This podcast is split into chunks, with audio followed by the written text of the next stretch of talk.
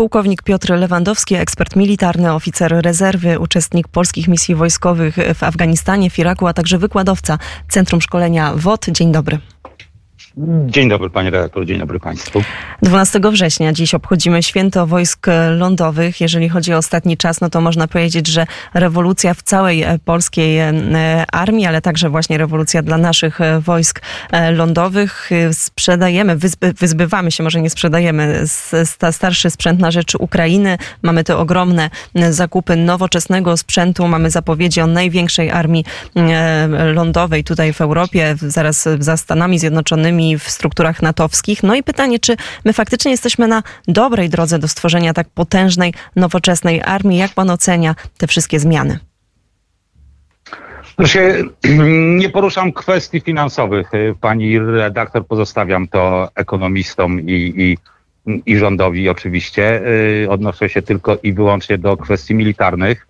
I te zakupy y, docelowo mają stworzyć zupełnie nową jakość w zasadzie we wszystkich kluczowych obszarach dotyczących y, y, zdolności polskich sił zbrojnych, w tym też wojsk lądowych. I mm, wojska lądowe z definicji, jeżeli otworzymy jakąkolwiek stronę internetową, przeznaczenie wojsk lądowych, główne przeznaczenie to jest obrona Polski przed agresją, na lądzie, powietrzu i morzu. Może to zabrzmieć dziwnie w przypadku wojsk lądowych, ale wojska lądowe prowadzą walkę wielowymiarową, stąd zakupy dotyczące zarówno sprzętu do rażenia naziemnego, jak, jak i obrony przeciwlotniczej, a także obrony wybrzeża, plus olbrzymi postęp w rozpoznaniu, tak jak zakup dronów, które w zasadzie dziesięciokrotnie zwiększają y, obecną liczbę ze, zestawów rozpoznawczych. Stąd y, wiele obszarów, natomiast wyzwanie olbrzymie, przede wszystkim koncep koncepcyjne i szkoleniowe, a po drugie odnośnie no, naboru i utrzymania w służbie wysoko wykwalifikowanych obsług zaawansowanego technologicznie sprzętu.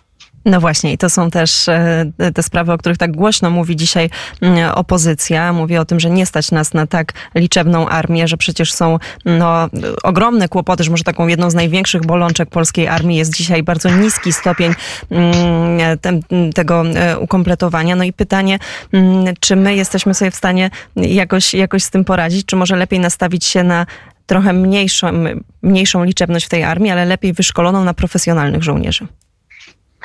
To znaczy się, y, trzeba znaleźć złoty środek moim zdaniem, bo koncepcja bardzo małej armii, która y, będzie bronić kraju, a w tym czasie rozwiniemy rezerwy i pojawi się na to z pomocą, y, ona, ona musi mieć swoje podstawy, bo zdefiniujmy bardzo małą armię, prawda? No, trzy dywizje, które mieliśmy w swoim czasie, jakby ich na mapie nie rozkładać, jakby nie kombinować, one nie wystarczyły do obrony powierzchni kraju. Nie było takiej możliwości. E, natomiast rezerwy trzeba budować. E, muszą być ludzie, którzy są przeszkoleni wojskowo, przygotowani, żeby w razie czego mundury włożyć i kraju bronić. Bo narracja typu płacę podatki, niech wojsko broni kraju. Pani redaktor, w naszym położeniu geopolitycznym niestety, ale wojsko zawodowe nie obroni Polski. Potrzebujemy rezerwistów, potrzebujemy zdolności rozbudowy armii, a teraz tym rezerwistom też trzeba dać sprzęt. Nie tylko karabin, ale tworzyć jednostki, które będą zdolne do nowoczesnego rażenia przeciwnika. Ja zakładam, że część tego sprzętu posłuży na wyposażanie również jednostek rezerwowych rozwijanych na czas wojny, a część posłuży też uzupełnianiu strat Natomiast jak to wygląda, nie znamy dokładnej koncepcji rozbudowy sił zbrojnych obecnie. Ja bardzo mocno czekam, kiedy to się pojawi, bo myślę, że się e, pojawi. Natomiast wiemy, że docelowo mamy mieć na przykład sześć dywizji, czyli dwukrotnie więcej niż mieliśmy do tej pory. Natomiast Panie redaktor też i proszę Państwa, proszę zwrócić uwagę, jak, że koncepcyjnie dywizję będziemy budować 10 lat. To jest rozpisane na dekadę, zanim nowy związek operacyjny się w siłach zbrojnych po, mhm. pojawi. Natomiast to wszystko trzeba obudować y, przede wszystkim koncepcją, jeszcze raz, nie tylko naboru kandydatów do wojska, ale utrzymaniu ich w służbie. Bo y, przyjąć, ale jeszcze tak, wyszkolić, podtrzymać ich umiejętności i zdolności i utrzymać w służbie. Natomiast y, pani redaktor, jak? No to pytanie myślę, że, że dużo wyżej niż y, ja w tej chwili mam możliwość oceniania tego. Mm, to prawda, bo to nawet nie 10, a, a chyba 12 lat, bo do 2030. Tak, ponad dekada. Tak, ponad tak. dekada. 35 roku to jest te 300 tysięcy, to jest ta liczba e, żołnierzy, które powinny służyć w polskim wojsku z, z, z tych rządowych założeń. No dobrze, to na moment jeszcze spójrzmy, panie pułkowniku, na Ukrainę. Pojawiła się informacja, że Kreml został pozbawiony możliwości pełnej kontroli nad wodami Morza Czarnego, że ukraińskie siły odzyskały kontrolę nad tymi kilkoma platformami platformami wiertniczymi gazu, ropy naftowej. Mm, czy to jest ważne, ważne takie strategiczne osiągnięcie ukraińskiego wojska, czy to może być jakiś przełom? Nie, nie jest ani przełom, ani osiągnięcie strategiczne, bo rajdy wojsk specjalnych nie, nie zmieniają kontroli e, e, w zasadzie nad obszarem. E, to jest taktyka typu uderz, odskocz, robiona z zaskoczenia bardzo szybko i dynamicznie. Takie jest przeznaczenie rola wojsk specjalnych.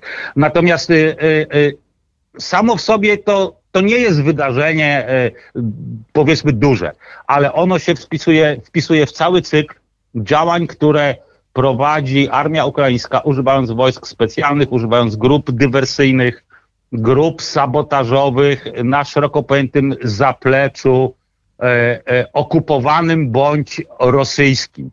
Bo tu mamy uderzenia z powietrza, mamy uderzenia na lądzie, mamy uderzenia na morzu. Jeżeli spojrzymy na ten cały kompleks uderzeń, to to z pewnością wpływa na zdolności rosyjskie, dlatego że mm, powoduje mm, konieczność angażowania dodatkowych sił, e, obniża morale, e, a poza tym też zmusza E, Rosję do takiego koncepcyjnego wysiłku, żeby starać się przewidzieć, gdzie te kolejne uderzenia mogą nastąpić. Natomiast sam rajd na y, platformy wietni, wietnicze, no to jest taki najwyższy poziom profesjonalizmu, szybko wykonane. Natomiast dalej jest to, jest to mały klocek, który, który y, saturuje rosyjskie tyły i tereny okupowane. Natomiast całościowo na sposób prowadzenia tej operacji przez Ukrainę, ma to z pewnością istotny wpływ na przebieg walk. To już na zakończenie króciutko ostatnie pytanie. Administracja Joe Bidena przekazała, a może nie przekazała, ja tutaj tylko cytuję teraz agencję Reutera, że jest bliska zatwierdzenia wysyłki do Ukrainy pocisków rakietowych dalekiego zasięgu z bombami kasetowymi. Czy to mogłoby coś zmienić, jeżeli chodzi o sytuację na froncie? Znaczy, no, pytanie, bo, bo mm, daleki zasięg tak naprawdę zaczyna się od 300 km plus, czyli ten zasięg, który pozwala razi, razić cele bardzo mocno w głębi e, wrogiego, wrogiego obszaru.